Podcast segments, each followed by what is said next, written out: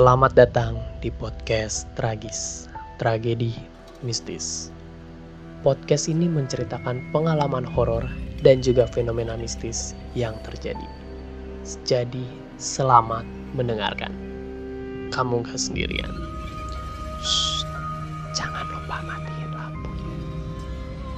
Hari ini, tragedi mistis akan menceritakan sebuah kejadian horor dari Jia yang namanya sudah disamarkan.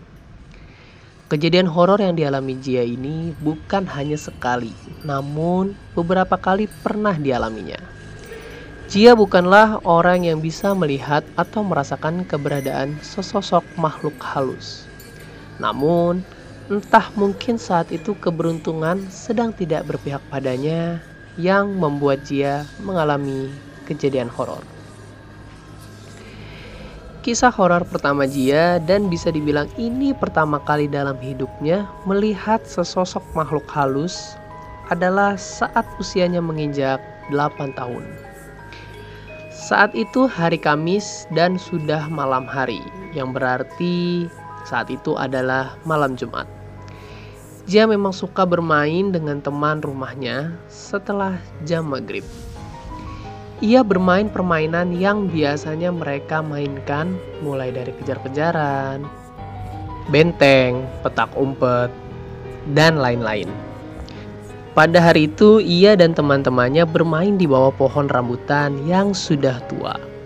Pohon itu sudah tumbuh di sana sangat lama dan tidak ada yang menebangnya. Jia bermain kejar-kejaran di sana ada sebuah hal yang bisa dibilang pasti akan terjadi saat malam Jumat setelah sholat maghrib yaitu akan terdengar suara orang membaca Yasin atau Al-Quran di musola dekat rumahnya. Namun saat itu entah mengapa Jia tidak mendengarkan apa pun, padahal telinganya sedang tidak bermasalah. Ia hanya mendengar suara temannya yang berteriak sambil berlari-lari di bawah pohon rambutan. Jia dan teman-temannya bermain sangat asik di bawah pohon rambutan. Sudah cukup lama mereka bermain kejar-kejaran hingga tiba-tiba Jia berhenti berlari tepat di bawah pohon rambutan. Dan ia terdiam beberapa saat. Entah dorongan dari mana, ia menangahkan kepalanya ke atas. Saat kepalanya menghadap ke atas dengan sempurna, ia melihat di atas pohon rambutan itu ada seorang wanita yang sedang duduk di salah satu ranting. Rambut wanita tersebut panjang menguntai ke samping dan secara kebetulan mata mereka bertemu. Jia saat itu benar-benar tidak bisa melakukan apa pun, tubuhnya hanya terdiam kaku, bahkan tidak bisa berteriak atau mengeluarkan suara. Hingga akhirnya Jia menangis dan membuat semua teman-temannya terkejut.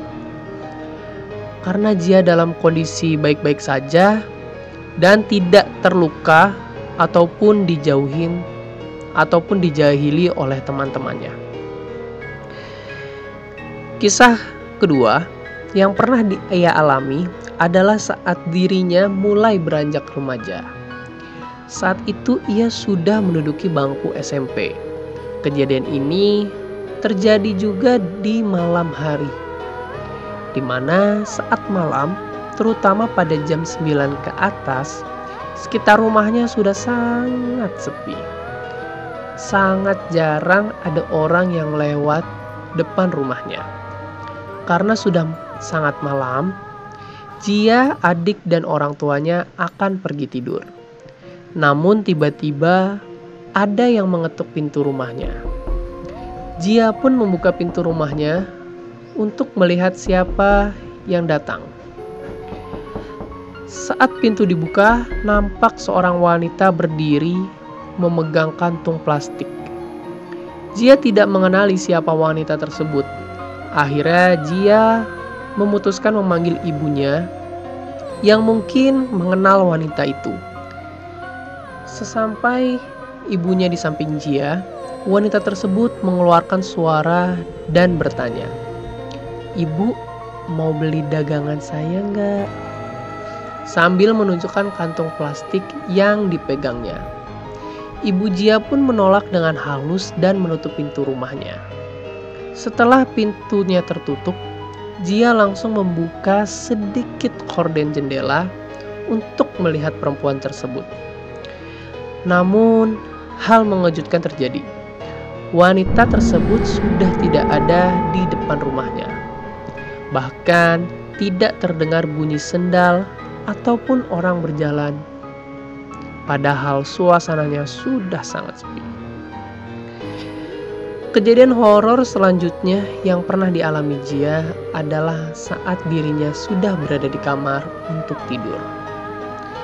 Saat itu sudah sangat malam dan seluruh orang di rumahnya sudah tidur. Jia pun awalnya sudah tidur, namun saat dini hari tiba-tiba ia terbangun tanpa alasan. Ia pun terdiam sejenak dan melihat ke atas. Kondisi kamarnya sudah sangat gelap dan sunyi. Hanya ada sedikit cahaya dari lampu ruang tengah yang masuk dari jendela kamar. Saat tengah terdiam, ia melihat ke arah jendela. Awalnya biasa saja, tidak ada apa pun, hanya kondisi ruang tengah yang terlihat terang. Tiba-tiba ia melihat dari arah jendela kamarnya ada wanita lewat di ruang tamu. Dia sempat mengira bahwa wanita itu adalah ibunya yang akan pergi ke kamar mandi. Ia pun terdiam sejenak sambil masih melihat ke arah jendela. Namun, beberapa saat ia menunggu, tidak ada suara apa pun, hanya kesunyian yang ada. Dia merasa ketakutan dan memutuskan untuk pergi tidur sambil memikirkan hal-hal yang baik. Keesokan paginya, Jia langsung bertanya kepada ibu, apakah ia semalam ke kamar mandi? Dan ibunya menjawab, tidak. Hal lain yang pernah Jia alami sebenarnya bukan kejadian horor yang menimpa dirinya secara langsung, melainkan keponakannya bernama Farel. Saat itu hari masih sangat terang dan keponakannya masih berusia 4 tahun. Ibu Farel saat itu sedang di dalam rumah, sedangkan Farel di depan rumah bermain seperti biasa. Beberapa saat, ibu Farel menyusul Farel ke depan. Namun, saat di depan rumah, ibu Farel tidak menemukan Farel. Ibu Farel pun terkejut dan panik. Ia pun segera mencari Farel di rumahnya, namun tidak ada. Bahkan ia bertanya dengan tetangganya, namun tidak ada yang melihat ataupun bermain dengan Farel. Karena panik, ia langsung menelpon ibu Jia dan bertanya, apakah sedang di rumah Jia yang mana rumah mereka tidak terlalu jauh. Namun Farel tidak ada di rumah Jia. Semua orang pun menjadi panik termasuk Jia mereka berkeliling untuk mencari Farel, namun tidak menemukannya. Hingga beberapa jam setelah Farel hilang, datang seorang bapak menaiki motor bernama, bersama Farel ke rumahnya. Ibu Farel yang tadi panik langsung sedikit tenang dan menangis saat melihat Farel. Saat bertanya ke bapak tersebut, bapak tersebut itu berkata bahwa ia melihat Farel berjalan sendirian dan kebingungan. Akhirnya bapak itu memutuskan untuk bertanya ke Farel, di mana rumahnya? Dan untungnya Farel ingat jalan pulang ke rumahnya. Ibu Farel pun bertanya kepada Farel, ia pergi bersama siapa dan ke mana? Farel menjawab, ia tadi diajak oleh seorang nenek tua yang wajahnya sangat berantakan. Sontak mereka langsung terkejut karena bapak bilang Farel berjalan sendiri.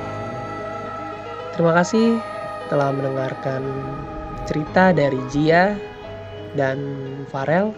Semoga ada pelajaran yang bisa diambil. Terima kasih telah mendengarkan podcast Tragis, Tragedi Mistis. Nantikan episode kami selanjutnya di Spotify, Anchor, dan Google Podcast. Shh, kamu sendiri.